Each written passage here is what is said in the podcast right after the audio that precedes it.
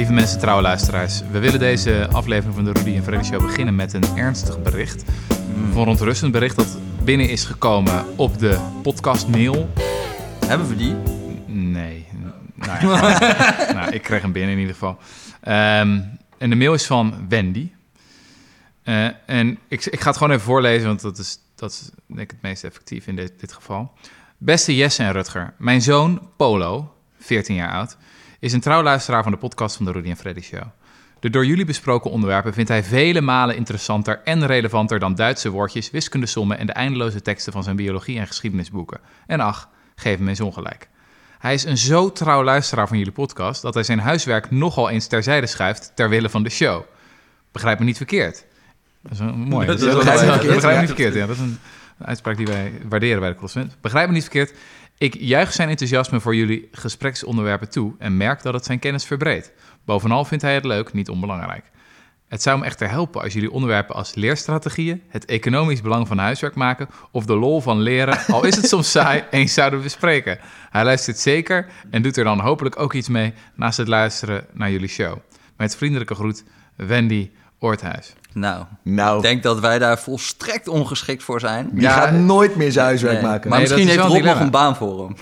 Nee, maar ik dacht, we kunnen hier wel even serieus op ingaan. Van het economisch belang van huiswerk. Er is toch zo'n boek dat heet al The Case Against Education van Brian Kaplan, een Amerikaanse dat klopt, econoom. Ja. Ja. Het economisch belang van huiswerk is zeer gering, lijkt mij. Nou, dat, dat Dit is verhaal niet wat van... Het verhaal van-. Nee, ja, nee, ja. Het verhaal- verhaal van Case Against Education gaat ook niet echt voor het individu op. Hè? Dus dat gaat meer over dat we collectief te veel in onderwijs, In onderwijs eh, stoppen, ja. eh, stoppen. ja. Dus, eh, dus het gaat er dan over van hoeveel extra inkomen krijg je als je een jaar onderwijs hebt ge- genoten. En dat is evident zo dat dat heel hoog is. Mhm. Alleen dat is een soort. Het argument is een beetje dat dat een soort red race is. waarin iedereen steeds hogere opleidingen nodig heeft. om te Ja. laten zien dat hij heel hoog opgeleid is. ja. Dus eigenlijk als je iedereen iets lager opgeleid was. dan zou je precies hetzelfde krijgen. Ja, en de vraag is of mensen echt wat leren. Want in heel veel dus- gevallen, je dus hebt gewoon een diploma nodig, het papiertje nodig, om die baan te krijgen. Ja, precies. Maar je kan ook met een 5,5 dat papiertje krijgen. Ja. En ondertussen iets gaan doen waar je echt wat van leert. Ja. Of wat je interessanter vindt. Dus je hebt allemaal onderzoek wat dan gaat van over mensen die dan net niet het diploma hebben gehaald. Nou, dan zou je zeggen, ze hebben vrijwel hetzelfde hoeveelheid geleerd. ja. We Ten zeggen opzichte van iemand die net wel maanden, heeft gehaald. ja. Ja, ja. Maar de, de hoeveelheid inkomen die je daardoor verliest is eh, echt astronomisch. Dus dat kan bijna niet meer te verklaren zijn door, Door de kennis. ja, door de kennis het die of de echte, dus het papiertje is heel belangrijk. Nou ja, dus, Nou, eh, eh, dus, ik weet niet dus, of, dus eh, wat zeggen wij tegen Polo? Eh, Ja, weet ik niet Ja. zo goed. Ja. Wil je geld, Polo? net genoeg doen. ja, net te genoeg slagen. doen. De 5,5 is het mooiste. En verder gewoon, ja, Dus eh, zoveel gewoon- mogelijk Rudy en Freddy show Ja, luisteren. dat Ja. lijkt mij wel, en de ja. boeken die wij aanbevelen. En dan Ja. eh, met, met, je, met je als sessiestudent eh, bij de correspondent solliciteren. Ja, dat, Ja. dat adviseren wij. Ja, jullie horen al de stem van eh, onze trouwe vriend van de podcast. dat is niemand minder dan Rob Wijnberg, jong talent in de journalistiek. nou, maar Ja. wacht even. Nee, maar ik, wou- ik wou dus eigenlijk deze podcast aftrappen Ja, met mijn op. anekdote. Ja. Want ik, ik heb een anekdote die echt heel goed samenvat eh, hoe mijn afgelopen twee weken zijn geweest. Hmm. En hoe mijn leven is veranderd. Want eh, ik word hier wel jong talent genoemd, maar dat is eigenlijk nog te veel eer. Want mijn functie is drastisch veranderd in de afgelopen twee weken. En dat ga ik illustreren met een eh, anekdote. Er was iets met Rutger, Ja, ja. toch? Ja, dat, Iets met viraal gaan, ik Ja, weet niet, ja. zoiets. En dat moest overal in de media en weet ik wat. Dus ehm, wij zouden gaan eten. Maar eh, nee, meneer moest toch naar de Wereld Door of ik mee wilde. Nou, mee. Gaat hij ik, eh, om, eh, eh, met verzetsheld Brechtman naar de Wereld Door. Ik zat achter de coulissen te wachten tot hij Klaar was. Kon Rob een beetje laten zien hoe het dan werkt achter de schermen. Ja. Gewoon een beetje, nou, hier worden de filmpjes gemaakt. Ja. En Ik heb me even voorgesteld aan Matthijs van Nieuwkerk. Is die helemaal onder de indruk. Ja, Ja. precies. Ik, dus dat is allemaal klaar. En ik ga biertjes drinken met Rutger in de kroeg. En er komt een fan van Rutger naar ons toe. Nou, die hand geven, allemaal nou, buigingen van fantastisch wat je allemaal hebt gedaan. En zo. buigingen, Jezus ja, Christus. dat was echt, dat echt niet oké. En eh, ah, goed, hij, ik zat daarnaast, maar ik was onzichtbaar. Zo onzichtbaar dat Rutger zich genoodzaakt voelde om te zeggen... eh, trouwens, dit is eh, Rob, Rob Wijnberg. En, en die vrouw die, die draait zich om, die kijkt naar mij, die geeft mij een hand en die zegt... Oh ja, Vroeger was jij bekend. nou, dat is gewoon... Dit is gewoon mijn leven nu. Ik ben gewoon de, Ah. de, de, de, de, de quasi-onbekende PA van Rutger. Ja, nee, ja, ik kreeg tien appjes dat eh, Rutger mij op tv had genoemd. Ja, Ja, dat heb ik ook nog nooit gehad. Dus, ehm, en sterker nog, ik, ik, dan, om, deze, om even te illustreren hoe erg dit is. Ik zit hier, wij zitten hier natuurlijk ook weer om te praten over wat jou is allemaal over is overkomen. Maar voordat ik hier naartoe als gast hè, eh, eh, was, eh, naartoe ben gekomen. Ik heb jou nog gechauffeerd, ook nog. Ben ik ook nog, chauffeur. Het is altijd een enigszins bijna doodervaring waarop in de auto, maar ik ben hier aangekomen. Maar eh, dit, dit- wij nemen dit nu op omdat ik hiervoor een uur een interview moest geven aan de New York Times over Rutger. Ja, Dus dan jongen. krijg ik een mailtje of ik geïnterviewd wil worden voor de New York Times. Eerste keer in mijn leven. Ik zie dat in mijn inbox verschijnen. Je moet voorstellen hoe dat voelt. Ik heb Ja. een interview verzoek de New jij York Times. twee jaar lang Twee- gewoon gewerkt om dat interview in die New York Times te krijgen. Precies, over de correspondent. precies. Wereldrecord gevestigd in Nederland. Ja. Niks. Nee. Wereldrecord gevestigd nog een keer in Nee. Amerika. Niks. Grootste hè, leden gedreven nieuwsplatform van de wereld zo ongeveer opgericht. Niks. Ik voel- Maar Of ik, het of ik een interview wil, geven, wil houden over Rutger Bregman. Nou, Nou, Ja, zullen we dan maar gelijk naar het onderwerp van vandaag ja, gaan. ja, En dat is. Rutger Bregman. ja, nee, nee, nee. nee, het is gewoon een haakje om een heel inhoudelijke discussie Oh, te ja, voeren. dat is het idee. dat is het idee. Oké. maar laten Dus- we eerst even hebben over jou. Nou, wat, mij- wat mij leuk leek is om, zeg maar, want misschien hebben we, weet je wel, de luisteraars van de Rudy en Freddy Show zijn extreem voorbij de waan van de dag, weet je. Die zitten allemaal, eh, weet je, die zitten Das Kapitaal te lezen bij het ontbijt. Ja. Eh, dus die hebben geen idee wat er gebeurd is. Dus heel kort moet het wel uitgelegd worden. en volgens mij kunnen we dan een kleine blik achter de schermen geven van wat voor discussies we hadden bij de correspondent over dat beruchte filmpje en of we het moesten lekken, ja of nee. En eh, er waren namelijk heftige, me- heftige meningsverschillen over. En dan kunnen we dat gebruiken als een soort van diepe discussie over de staat van de wereld. Perfect. Heel Yes? goed, Eens? heel goed. Helemaal eens. Heel Nou, goed. wat gebeurde er? Ik was natuurlijk in Davos geweest, we hadden vorige podcast al over. En toen werd ik uitgenodigd voor Fox News. Eh, de rabiaat rechtse, denk wel dat je het een halve propagandazender kan noemen. Met onze vriend eh, Tucker Carlson. Ehm de, nu een van de meest, de, populairste presentator, denk ik wel dat je kan zeggen. Ehm, en hij wilde met mij een feestje vieren over...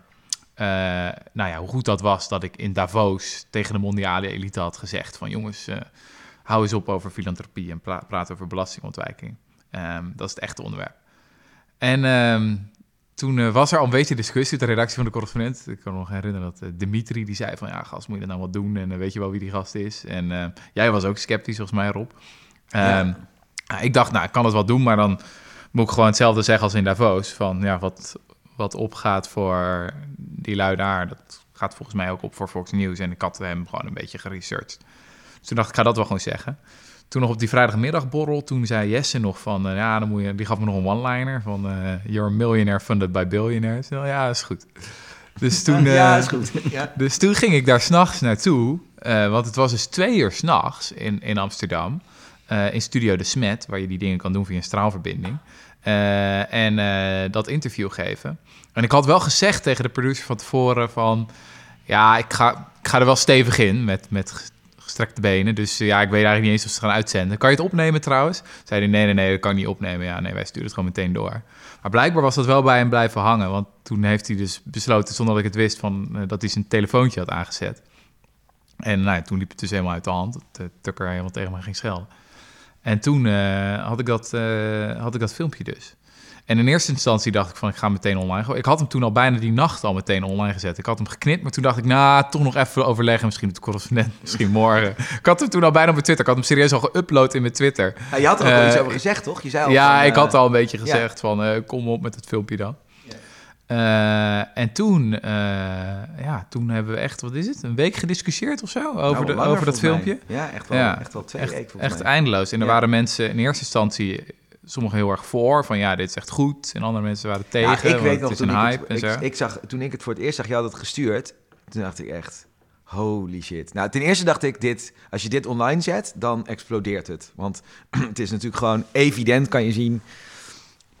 Dit heeft alle ingrediënten van een lekker viraal filmpje, weet je wel. eh, Tucker Carlson die eh, gewoon zijn shit verliest, eigenlijk gewoon gaat schelden, toestanden. Dat maakt het al spannend. Het is ook een beetje zo geheimzinnig gefilmd met telefoontje, zo dat je denkt, wat is dit? En eh, je was al een beetje viraal gegaan, eh, dus dat was de aanleiding. Nou, het was gewoon, het, alle ingrediënten zaten erin, toch? Zeker. En ik dacht ook, oh wauw, oké. Ik bedoel, Fox News is nou niet bepaald, eh, hè, zeggen on- onze, onze bevriend medium of zo. Mhm. Dus ik dacht, dit is wel ook wel lekker. Gewoon de waarheid, weet je wel, even de waarheid gezegd in de hol van de leeuw. Ja.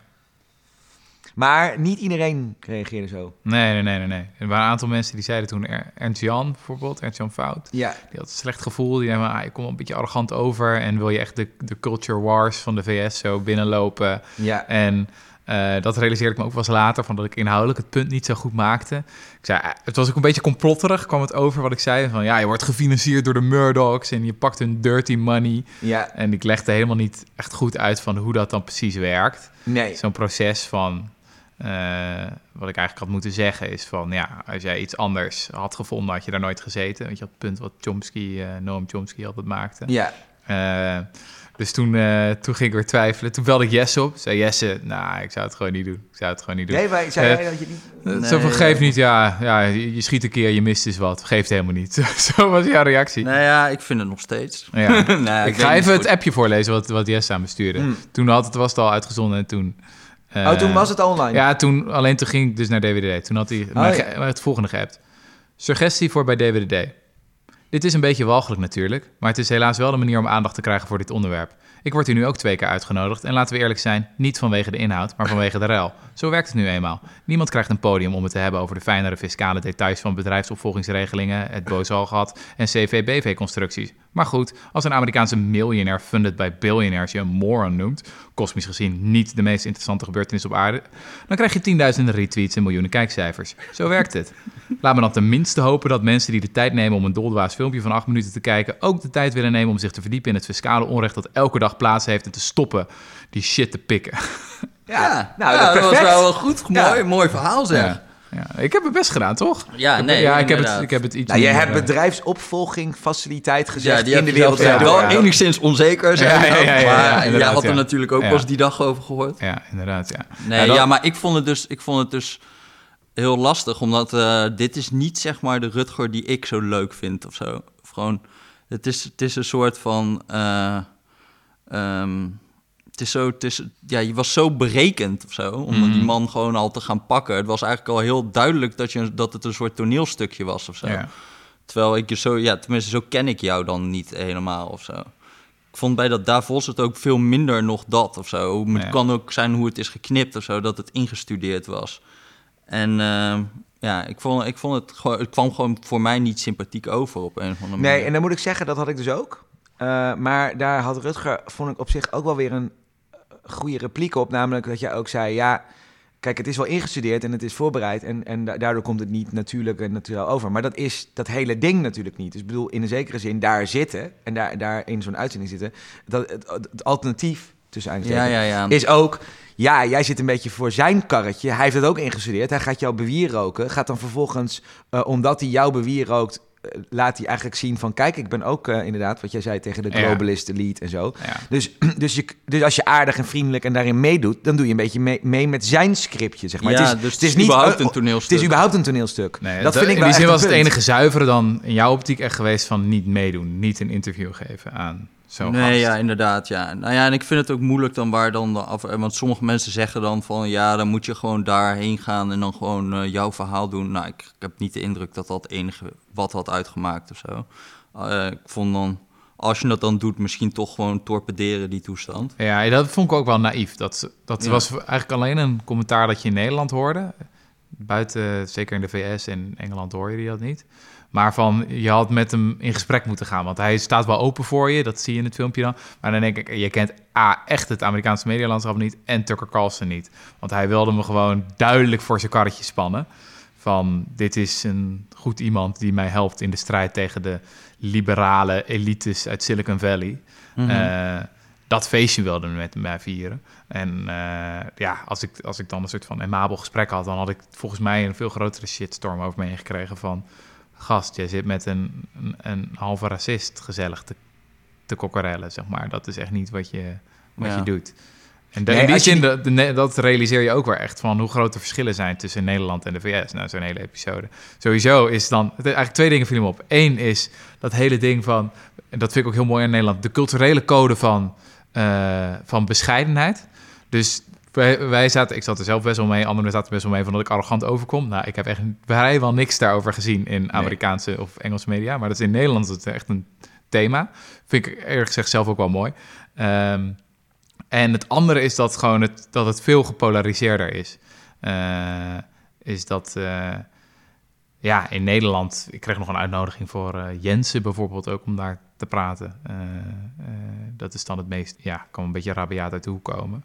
Maar uiteindelijk zijn die verschillen veel beperkter in Nederland. Mhm. Nee, maar dat is ook. eh, eh, daarom werd het natuurlijk ook zo. eh, door een heel groot groep ook zo juichend ontvangen. Want het is namelijk ook echt. Maar, als je de achtergrond en de reputatie van Tucker Carlson en Fox News. Als je dat allemaal weglaat en je neemt het gewoon als een gesprek op zich. dan kan je zitten Ja, een beetje ja. van hoezo, hoezo val je hem aan en waarom. Ja. En hij vraagt je toch naar. En hij vraagt je er toch naar. Dus geef gewoon antwoord. Ik bedoel, Ja. daar maak er een gesprek van. Maar als je die context dan mist. Maar als je die context wel hebt.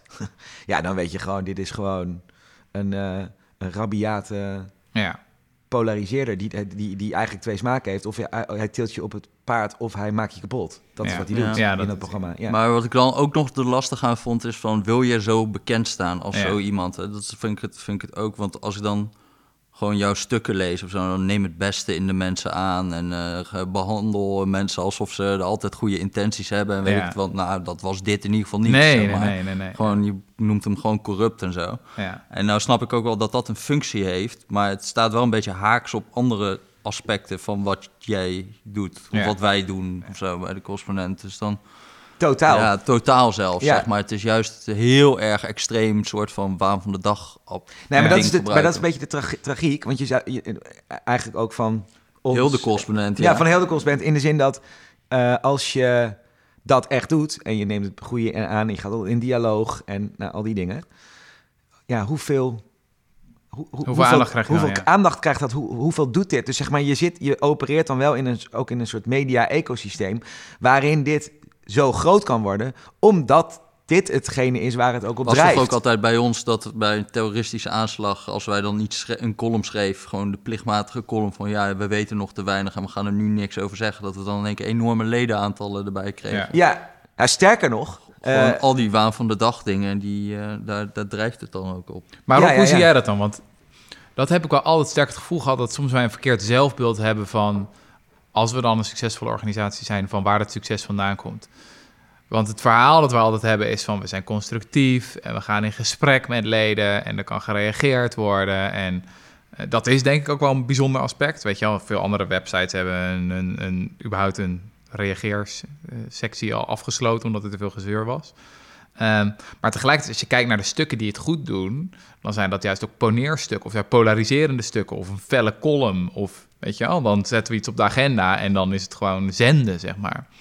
En dat werkt dan heel goed. Dus ik heb heel vaak, en dat kwam volgens mij die, in die hele discussie over dat filmpje ook naar voren, is dat er twee stromingen zijn die de hele tijd met elkaar botsen. Van moeten we nou met ene bijna een soort van agressie, of in ieder geval met een bepaalde overtuigingskracht iets neerzetten en dan zeggen jongens, hier moeten we het over hebben.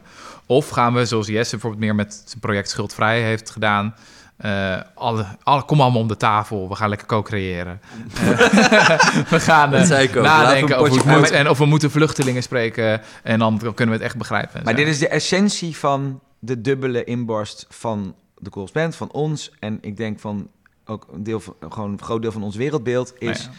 Je wil dat mensen het met elkaar kunnen vinden, elkaar vertrouwen, samenwerken. Ik Ja. denk dat je een, goed, goed- een vrij goed betoog kan houden voor het feit dat heel veel vooruitgang in de wereld gekomen, voortgekomen is uit kloven overbruggen, samenwerken, eh, grenzen opheffen, eh, en, eh, toch verschillen kleiner maken, al die dingen. Ja.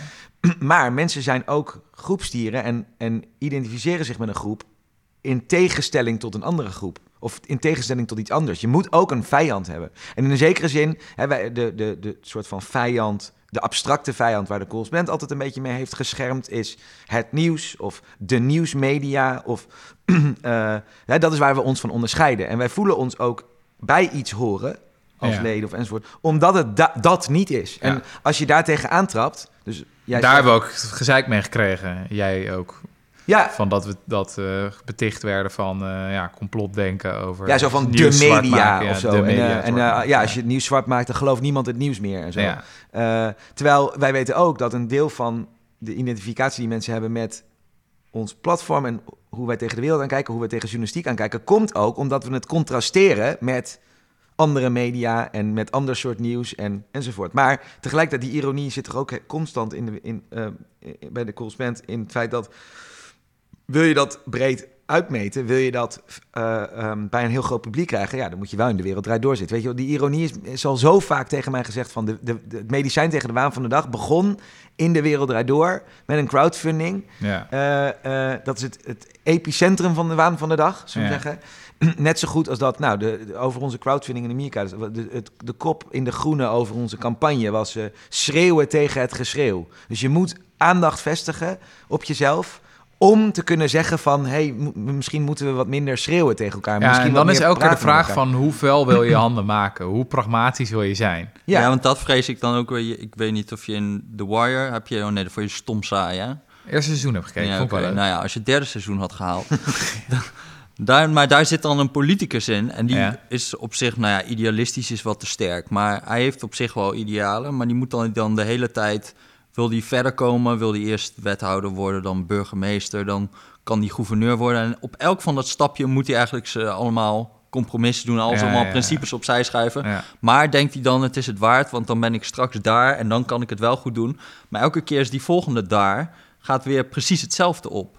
Snap je? En dan, En verandert hij als mens dan ook? ja, ook, ook. Maar hij, hij is uiteindelijk, uiteindelijk is hij eigenlijk de hele tijd bezig om verder te komen. Of meer faam te, eh, te krijgen. Maar haalt hij nooit dat uiteindelijke doel waarvoor hij het dan eigenlijk doet. Of zo. Ja. En dat ben je dan ook een beetje bang voor bij, bij jou of zo. Dat het uiteindelijk, dan zeggen we van het is ons te doen om belasting op de kaart te zetten. Ja. Maar is dat, eh, ik bedoel, uiteindelijk lukt dat ook echt? Ja. Want, want uiteindelijk wil iedereen alleen maar over zo'n mediarel misschien wel hebben, Ja. voornamelijk. Het is nog steeds best moeilijk om dat dan om te buigen naar dat andere verhaal. Omdat je nu eenmaal toch in die logica zit. Zeg niet dat je het niet moet doen of zo, maar het is wel gewoon...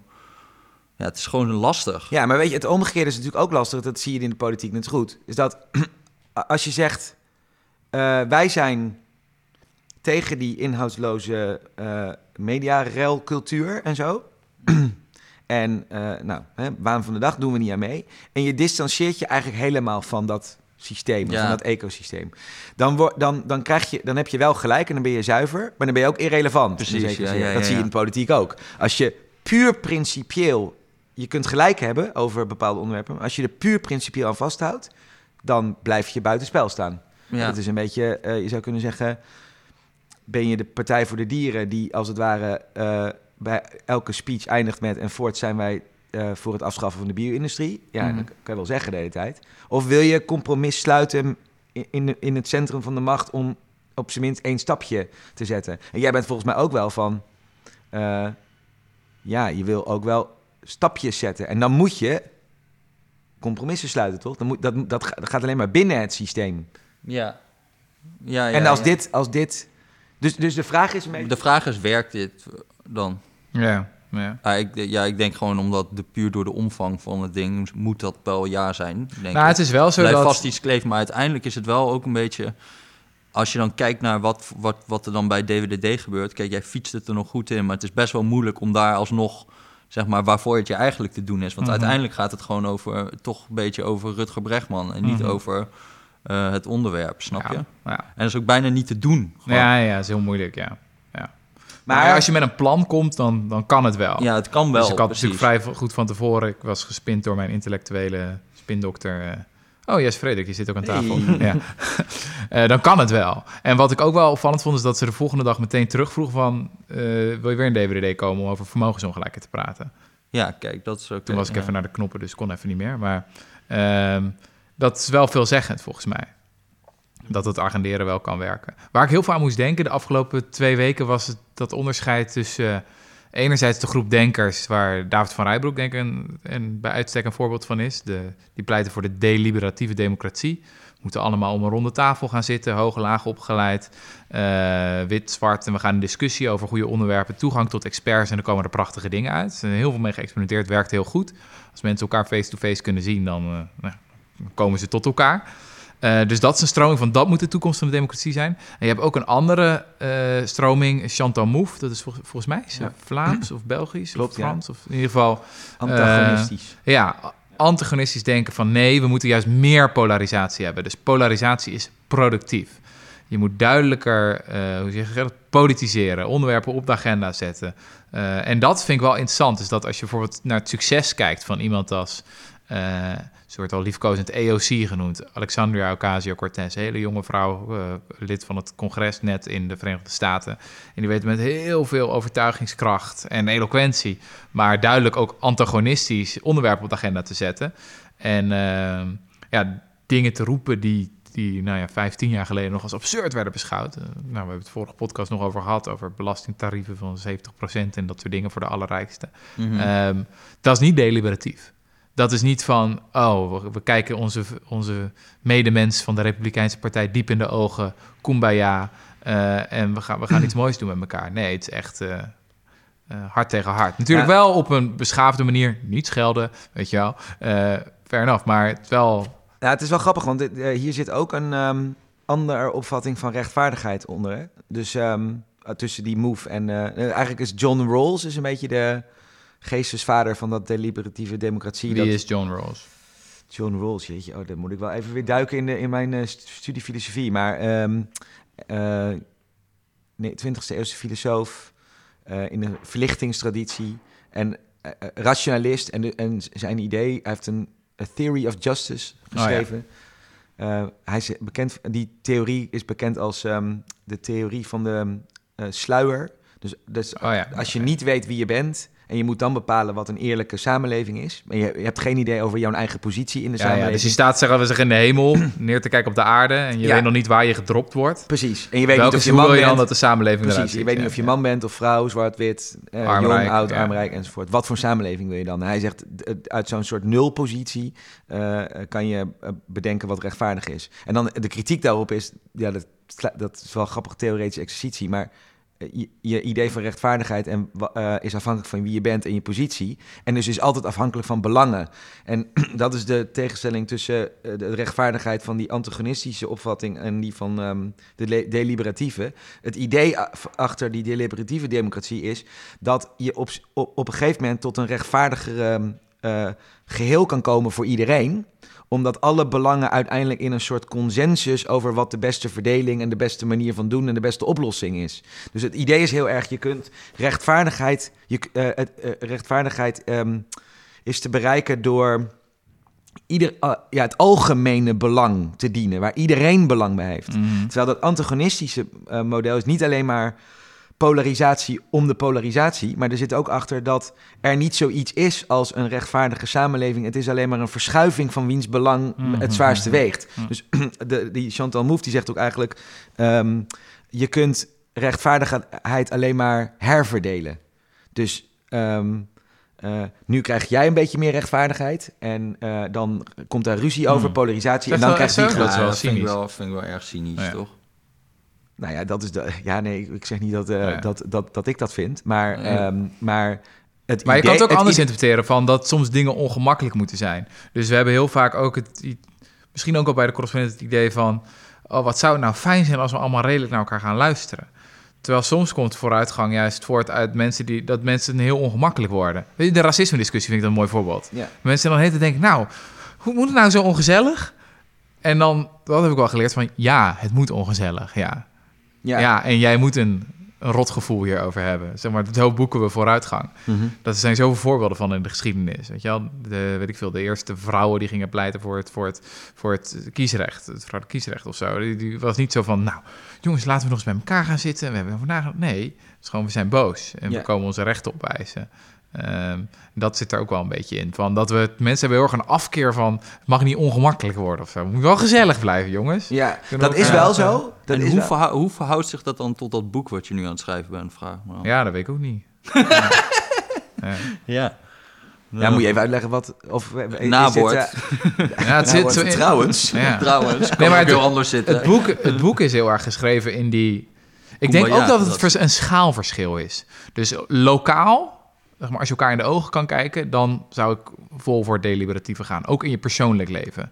Met gewoon eh, bijna een soort van persoonlijke ethiek is het gewoon leuker om steeds het goede aan te nemen in andere mensen. Maar we hebben nu eenmaal een democratisch politiek systeem nu. Bestaat uit politieke partijen. Dat gaat over miljoenen die mensen zitten in één politieke eenheid.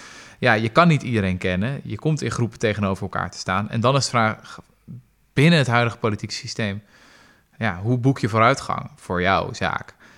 En dan is, denk ik, de enigszins deprimerende realiteit dat je allerlei mooie experimenten hebt. Ook weer met, weet ik veel, burgerloten, G1000, et cetera. Maar in werkelijkheid, wat, wat je ziet gebeuren, is dat die heel weinig media-aandacht krijgen. Dat die eh, beginnen met veel enthousiasme van onderop, maar een beetje wegvizzelen als het, eh, ja, als het echte resultaten moet gaan boeken. Ja, Dus mijn, mijn zeg maar, ik denk een soort van, mijn, mijn hart wil er heel erg in geloven, maar mijn verstand is denk ik nog sceptisch over Ja. de echte potentie om dingen te bereiken ermee. maar jij zegt ook heel vaak... ehm, de mens is, eh, eh, hoe zeg je dat? Het, het, het been dat je traint, hè, toch? Of de wolf die je voedt, of niet? Ja, ja, dus het is ook maar net wat je waar je goed geeft. in wordt. Ja. Ja, waar je goed in wordt. En ook, je zou dus, je zou dus ook kunnen zeggen van... eh, het is geen natuurwet dat controverse en tegenstellingen... en, en elkaar uitschelden en weet ik veel wat... dat dat alle aandacht op eist. Dat is ook een, het product van een bepaald systeem. Nou, nou zeg ik niet dat wij ehm, zomaar van op de een of andere- andere dag... ehm, dat systeem... eh, hebben vervangen met een mooie constructieve dialoog. Maar het is eh, precies wat jij zegt. Het krijgt ook nauwelijks aandacht. Dus misschien als het ook meer aandacht krijgt, eh, op, eh, dus die constructieve manier van doen, die andere inrichting van de democratie, dat het dan ook wat vruchtbaarder is. Ja, maar dit klinkt wel een beetje als de PvdA die zegt, eh, we gaan het nog beter uitleggen. Nou, niet beter uitleggen, maar gewoon. Jij zegt toch heel vaak. Nee, maar het is gewoon, als je uitzoomt idee- in de loop van de geschiedenis, is gewoon polarisatie, is gewoon mensen boos maken, ongemak maken. Weet je wel, dat is...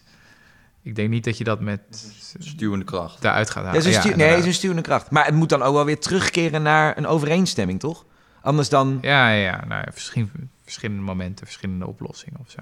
Maar dat, dat, volgens mij speelde dat heel erg terug in die hele discussie over dat filmpje van moeten publiceren ja of nee. De mensen die zich het meest ongemakkelijk bij voelden, die geloofden het meest in het, in het beeld van de correspondent als een platform waar mensen samenkomen om redelijke gesprekken te hebben, om oplossingen te vinden voor, voor maatschappelijke problemen. Ja, En de mensen die het het lekkerst vonden, die hadden zoiets van...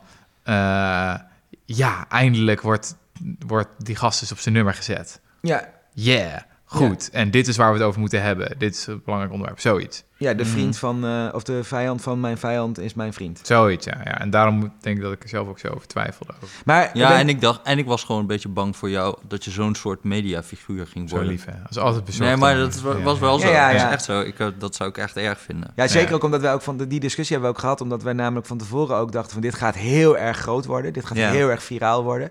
En dan wil je alleen maar daar bekend om zijn. Ja, Zeg maar ja, een ja. beetje, ik mo- moest, moest heel erg denken aan Ad Melkert, die van alle en allerlei carrières heeft gehad, maar zo, zo in de geschiedenisboeken is beland als die man die zo vreselijk dat debat verloor van Pim Fortuyn. Ja. Ja, Eh, omdat dat gewoon zo'n echt zo'n mediamoment, gigantisch groot, eindeloos herhaald, Ja. dat he- heb je aan hem overgehouden. Wat heeft hij nog meer gedaan eigenlijk? Melkertbanen. Ja, Melkert- Ja, melkertbanen, ja. Dat is een heel goed idee Ja, eigenlijk. best nog. goed idee, ja. Ja. Nou, en eh, hij was eh, volgens mij V- VN-gezant in Irak ook nog. Moeten we hem niet een keer voor de podcast hebben? De podcast. Dan gaan we het over melkerbanen een beetje hebben. zagrijnig, meneer Melkert. Ja. Ja, ja, nou, ja, ja, exact. ja, dat- Nee, maar Misschien dus is hij wel een luisteraar. dat vind ik wel een terechte zorg van, juist omdat die mediadynamiek zo is en zo, zo werkt, wil je dat dat aan je kleeft. Dat je dan inderdaad, zeg maar, die... die eh, de man, de man, die eh, de waarheid spreekt oh, tegen, de Tucker- elite. Ja, Ja, of tegen ja. Tucker Carlson specifiek Ja. ook nog. Dat is natuurlijk ook, dat wil je niet, toch? Ja. Nee. nee. Maar het is, ja, dat is wel zo, is dat je nu regelmatig bent geweest op dat soort internationale eh, conferenties. En dan zie je wel hoe mensen soort van, wat ze in het Engels noemen, thought leader kunnen worden. Dus zo'n gast die heeft Ja, ook een ja. boek over geschreven, over het verschil tussen thought leaders en thinkers. Dus Ik weet niet of ik het helemaal goed kan uitleggen, maar eh, hij bedoelt meer... De, thought thinker. leader is iemand die geeft TED-talks, die heeft een leuk prikkelend idee, die wordt uitgenodigd voor keynotes en speeches her en der. En die, die weet vooral goed, heel goed de tijdsgeest net te prikkelen, zonder dat het echt gevaarlijk wordt. Dus het is een beetje van... eh, dit zijn mensen die zeggen van ja, eh, in de 19e eeuw reden we nog met eh, paard en wagen... En nu eh, doen we dat al lang niet meer. Maar de klassen zien er nog wel uit eh, op school als in de 19e eeuw. We zitten gewoon nog in rijtjes. Ongelooflijk. Robinson. Ja, Ken Robinson. Dat is een heel goed voorbeeld van... meest bekeken TED-talk ooit. Een heel Ja. goed voorbeeld denk ik van een thought leader. Amy Cuddy. eh, die over power posing is. Een goed jij voorbeeld denk ik panel van. Zat ik laatst mee in een panel, ja. Die, die ook Daar heb je het al. Als, Ja. als, think- als thinker, hoor. Als niet, niet als thought leader. Nee, nee. die ik ook nog even heb gesproken en die zeer, onder, zeer geschokt was over dat. Want we hadden zeg maar één, één panel in Davos, dat, eh, dat was onder Chatham House rules, maar fuck it. En, eh, en die, eh, die begon dus met, ik had een praatje over bullshit jobs en nou ja, dat verhaal heb je wel eens gehoord denk ik. Ja, ja. En toen was daarna nog Guy Standing, was er. Ik weet niet of je kent, dat is ook een Ja, aanhanger van basisinkomen. Best wel een radicale econoom. En die Amy Cuddy, die sprak daarna en die zat zo van... Oké, dit had ik niet verwacht toen ik naar Davos kwam. Dat ik van dit soort radicale praatjes zag horen. Die was helemaal geschrokken ervan. Van, Oh, wat is dit nou weer? Het woord bullshit. Ja. Maar in ieder geval, dat, dat is natuurlijk wel iets wat in je hoofd zit. Van, ik vind thought leader, dat is de ultieme belediging. Dat is soort van de, de, de, de nachtmerrie van wat je niet wil worden. Een beetje een niet- trendwatcher. Zoals ja, een trendwatcher. Ja. Ja. ja. maar het zit- soms zit er wel... Kijk, ik ben niet tegen TED-talks of zo. Ik bedoel, TED is een fantastisch podium. En ik vind trouwens sommige praatjes echt geweldig gedaan. Ehm, maar ja, je, je hebt wel steeds het gevoel dat je aan het dansen bent met de, de duivel of zo. Of dat je, in de, dat je heel snel ook een karikatuur wordt van... Nou, en Oh. andersom ook trouwens. Want ik vond dus, ik weet niet, maar ik had ook, ik weet niet of jij dat, hoe jij dat ervoer. Eh, volgens mij ging je er zelfs in de uitzending nog tegen insputteren. Eh, In DWDD. eh, ja, bij DWDD. Ja, ja. Dat op een gegeven moment dacht, werd ik wel een beetje ongemakkelijk van het, de, de, de jubelstemming daar. maar, dat, je, dat, je verzetsheld werd genoemd. Nou, Ja. Nou, Mijn, ik was eh, hartstikke mijn nazi-jagende opa eh, Ja. zou daar nog wat een en ander over hebben kunnen zeggen, denk ik. Verzetsheld. Eh, als dat het enige was, nodig was geweest om de nazi's te verslaan, dan had hij dat gedaan, denk ik. Ja. Ehm, eh, gewoon op Tucker Carlson. Gewoon een paar- nou, maar, ehm, eh, en, en toen werd er ook nog geklapt en zo. Dat is dan de andere kant, weet je. Dan wordt er zoveel stroop gesmeerd. Dat is zo Nee, dat ongemakkelijk, is toch? verschrikkelijk, ja. ja, Ja. Maar goed, dat is ook DWDD, ja. Maar wat is jouw favoriete model dan, Jesse? Want jij hebt verschillende Favoriet dingen model? gedaan. Nou, jij hebt, best, jij hebt best wel. Jij bent niet vies van even iemand, iemand aan de boom eh, knopen. Of Nee, klopt, maar dat is het ook. Het is of een zo, beetje, vind je het is een best wel beetje lekker. guilty pleasure ook, denk ik. Maar werkt, ja, het is moeilijk. Ik Met denk sch- wat, schuldvrij was het, het model heel anders. Ging je heel erg van, Ja. ik ga de deurwaarders diep in de ogen kijken. ja, hoewel ik daar ook wel even af en toe gewoon eh, met gestrekt been in ging, hoor. Ja. Alleen dan meer tegen gewoon... Het systeem. Ja, of tegen dan iemand die niet, dus zo'n staatssecretaris die niet wilde of zo. Dan, Ja. ga, je, ga, dan ga je wel gewoon hard tegen, kijk, iedereen vindt dit en jullie doen niks of zo, ja. Ja, dat is Ik- wel het ding, is dat er... Er zijn ook mensen waar je tegenin gaat... waar eigenlijk de overgrote meerderheid wel tegen Dat is, eh, gaan. je moet wel proberen zo breed mogelijke coalitie te hebben Ja. of zo. Maar op een gegeven moment kom je ook op een punt waar het gewoon een soort... eh, ja, die, die ga je toch niet bewegen, niet overtuigen. En dan kan je eindeloos op wachten en nog maar blijven praten. Maar misschien moet je dan gewoon gaan hakken. Ja. En ehm,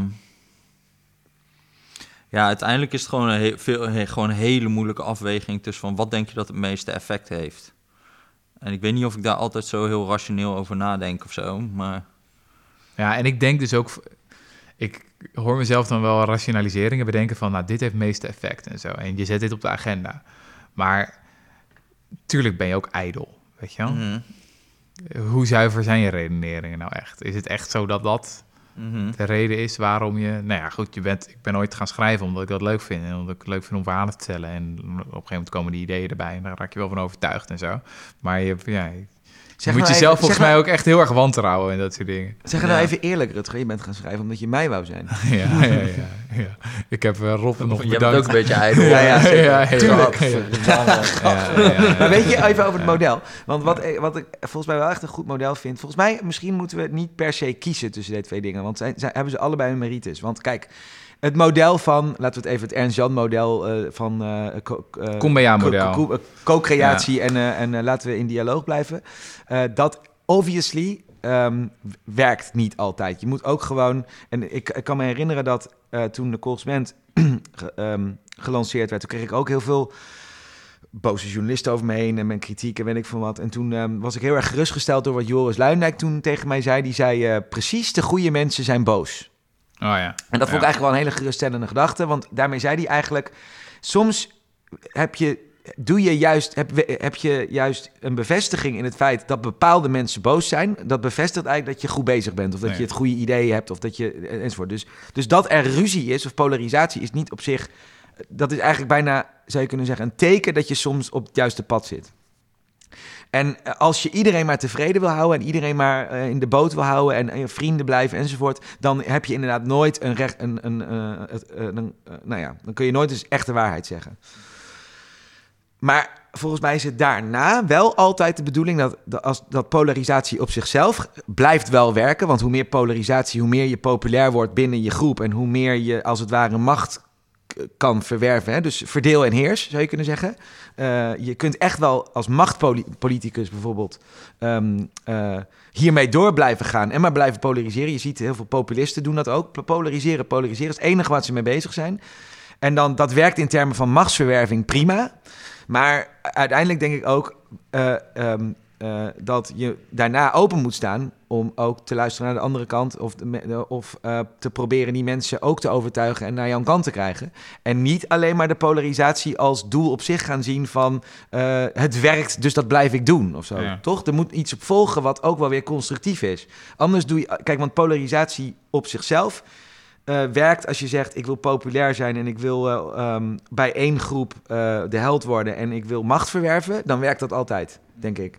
Maar waar wend je het voor aan? Wend je het voor aan, inderdaad, ijdelheid voor jezelf en je macht en enzovoort? Of wend je het aan om vervolgens vanuit die aandacht en vanuit die eh, populariteit een hand uit te steken naar anderen en zeggen: hé, hey, misschien kunnen we het eh, wel eens worden? Dat Ja. zeg je toch ook heel vaak? Je wilt toch heel vaak. ehm, je wilt toch niet alleen maar linkse ideeën aan linkse mensen verkopen, bijvoorbeeld? Nee, zeker ja. Nee, dat was dus ook nog zoiets dat ik dacht, dit is ook gewoon out of character of zo daarin. Van dit is gewoon zo, zo eh, gewoon hard links Ja. of zo. Al heb ik dus het idee dat dat niet klopt. Dat er niet zo wordt Nee, want nee. bijvoorbeeld, ik, ik heb nog nooit zoveel positieve commentaren over mezelf gezien op Dumpert. Dat is Normaal er niet mijn fansite. Ja. En eh, ook wel, ik heb best wel veel mails ook Maar gehad dat van dus dan- republikeinen en mensen die duidelijk in de rechterkant van het spectrum zaten. Kijk, dit was natuurlijk een punt, wat ik ook zei, van de overgrote meerderheid van Amerikanen, inclusief Fox News-kijkers en inclusief republikeinen, vindt dat Rijk een belasting moet gaan betalen. En zo voor die zorgen over de corrumperende werking van geld in de Amerikaanse politiek, ze worden breed gedeeld. Mhm. Ook aan de... Ze zeggen dan, wat ze wel zouden zeggen, is van waarom val je alleen Tucker Carlson aan en niet ook, eh, weet ik veel, Soros of, Soros of zo. Mhm. dat is, maar ik had het idee dat het, in ieder geval viel me mee achteraf. Ja, ja, oké. En dat is bijvoorbeeld iemand wat, laten we iemand als Bernie Sanders, die doet dat natuurlijk ook goed. Dat Mhm. hij steeds thema's agendeert waar je echt wel hele grote meerderheden achter kan krijgen. Als je daar naar kijkt, van naar peilingen al sinds begin jaren 90 in de VS, in het Verenigd Koninkrijk, andere plaatsen, van je vraagt mensen, wat voor samenleving wil je in leven? Dan zeggen ze, ja, qua ongelijkheid ongeveer Zweden, zeg maar. We willen gewoon eh, Medicare eh, voor iedereen, we willen sterke Mhm. verzorgingsstaat, we willen eh, kinderopvang, bla bla bla. Dat is redelijk breed gedeeld, wordt dat van links tot rechts. Dus dat kan je wel betogen dat je daar een brede coalitie om kan bouwen. Mhm. Dat is helemaal waar. Ja. Daar kan je, dat ik bedoel, ehm, eh, waarmee we weer bij zijn bij de inhoud. Namelijk, hè, je kan wel dit afschilderen als een soort tribaal gevecht. Maar eigenlijk zijn er heel veel mensen die dit gewoon vinden. Ehm, hele grote meerderheden. Eh, en is er eigenlijk veel meer consensus, zou je kunnen zeggen, over wat een rechtvaardigere, eerlijkere samenleving is, dan die gepolariseerde media doen voorkomen. Hè, die, die, in nou, op dit zin- thema, kijk, op immigratie is dat natuurlijk niet Nee, zo. op immigratie, nee, dan-. Nou, ik vraag me, want Ja, toen maar misschien, de, de ja. dingen die jij toen zei over die erfbelasting, daar hadden mensen toen begonnen daar ook wel dan, als het concreet werd, begonnen ze er een beetje van... oh, oké, laat maar dan. Ja, ja, Die ja. was ik ook niet helemaal... Nou, als je het goed uitlegt. Dus Ja. je moet zo goed uitleggen wat een marginaal tarief is. Ja, ook dat. dus ze ja. vinden het... Iedereen zegt, eh, het is inderdaad raar als mensen, weet ik veel, 10 miljoen belastingvrij kunnen erven of zo. Dat zullen ze zo zeggen. Maar als, als oma eh 50.000 heeft gespaard en dan moeten ze afstaan, dat is niet, dat is niet eerlijk. Mhm. Ja. Maar het is wel zo, dat is toch wel echt, volgens mij echt wel waar. Ehm, je hebt een vrij, eh, je hebt een wel een niet al te vocale, grotere, stille meerderheid, denk ik wel. eh, die niet echt aan bod komt in dit soort debatten. En de extreme, die, die vechten het bepalen uit. het, ja. ja. die Ja. bepalen het. Eh, ook in de beeldvorming. Ja, en, En- het is ook gewoon moeilijk, dat is misschien ook nog wel een bijna een aparte podcast waard, van hoe groot zijn dingen. Als je daar goed over na gaat denken, dan kom je bij ons wel snel tot de conclusie dat gewoon een hele beeld van de wereld, van wat je ziet of zo, is gewoon heel verwrongen. Van, als, ik, als iemand die met economie bezig bent, dan zie je heel snel getallen en die kan je ook een beetje duiden van dit is groot, dit is klein. En Ja, dan zie je dat de prioriteiten vaak helemaal fucked zijn. Wat is een voorbeeld van iets wat klein is dan wat ja veel ben ik aandacht benieuwd naar. Ehm, nou ja, de meeste schandaaltjes of zo. Die, ik weet zo'n voorbeeld. Toen op een gegeven moment ging, had ik zo'n artikel. Het is een beetje ijdel. Maar ja, goed, dat is deze podcast nu dan maar. maar toen had ik die dag had ik een artikel over, over zo'n structuur die iedereen, de CV-BV-structuur, die iedereen in Nederland gebruikt. Al die Amerikaanse bedrijven. En daar hadden ze door de jaren door echt, ik weet nu het exacte getal niet meer, maar honderden miljarden aan winst werd gewoon hier opgepot, eh, belastingvrij. Nou, niemand in andere media. Ik dacht, nou, heb ik best wel iets zeg maar uit de doeken gedaan van hoe is die CV-BV-structuur ontstaan, welke wie mensen wie hadden daarover eh, beslist. Ja, jij zat echt eh, nu.nl te, te refreshen om te kijken van wanneer pikken ze het Ja, op. we hadden nog een persberichtje eruit gestuurd. Eh, maar toen, toen diezelfde dag, toen kwam er in NRC een heel verhaal over één Israëlisch bedrijf wat een soort ruling had gekregen. Nou ja, dat was ook wel iets van een paar tientallen miljoenen of zo. Maar wel dat ik toen dacht van ja, maar oké, eh, leuk, maar dit is echt, dit is echt fucking groot, jongens. Ja, Gewoon, factor duizend groot. Nou, niet eens, nog meer gewoon. Ja. Het is, eh, ja, dus, dus dat, dat, maar dat, dat, dat zoiets gewoon niet eh, echt de aandacht krijgt. Heel vaak sowieso het incident ten opzichte van iets blootleggen over een structuur, dat is al heel snel dat je dat krijgt. Nou, sterker nog, de, het, het- er gebeurt zelfs het omgekeerde. Dat als het maar echt, echt, echt een grote structuur is, dan gaan, dan gaan mensen zelfs eh, zeggen: ja, dat is toch niks nieuws. Dat is toch, dat is toch gewoon zo. ja, precies, eh, ja, dat is ook Dan, iets. ja. ja, dus dan zie je het absurde er niet meer van in. Dat was een beetje bij. eh, dat vond ik wel grappig bij toen die, die, die, die, die, ehm, dat verhaal van Jelmer Mommers, onze klimaatcorrespondent. Die had laten zien hoe Shell al de- 30 jaar of 40 jaar klimaat, weet van klimaatverandering. En daar dan dus, als het ware, alle actie tegen klimaatverandering frustreert en tegen lobbyt en enzovoort. Dat is, dat is een heel grote structuur met een heel grote invloed. Een heel groot bedrijf eh, tegen een heel groot probleem. Die ze eigenlijk als het ware ontkennen. En, ehm, en, dat, en, dat, en mensen zeiden, ja, het is toch logisch dat ze dat doen. Maar dat het logisch is dat het doen, of dat het dus normaal gevonden wordt, wil niet zeggen dat het normaal is. En dat is bij dit soort dingen ook. Mhm. Dat je denkt, ja, We wisten toch al dat de belasting werd ontweken, ja. ja, en dat is ook heel vaak, precies. Het is ook heel vaak, dan is het, ehm, ja, dit mag gewoon. Dat is ook een heel vaak een antwoord. Mhm. Het is legaal, dus is er niks aan de hand. Ja. Dat is ook heel vaak waarom er dan geen nieuws wordt. ja. Nou ja, en gewoon al die, laten we eerlijk zijn, al die hypejes. Uiteindelijk is het ook gewoon entertainment. Dus zo'n filmpje van mij, dat, voor veel- waarom kijken veel mensen dat? Ja, het is gewoon entertainment. Ja. Ik werd door RTL Boulevard gebeld. Albert Verlinde wilde ook een interview. Ja? Ja. Dus ja, dat is, het is elke keer volgens mij de vraag met dit soort dingen... is van hoe pragmatisch wil je zijn? En wil je de duivel voor de kar spannen? En, eh, en ik ben nu wel meer, denk ik, dan een aantal jaar geleden... dat ik zoiets heb van...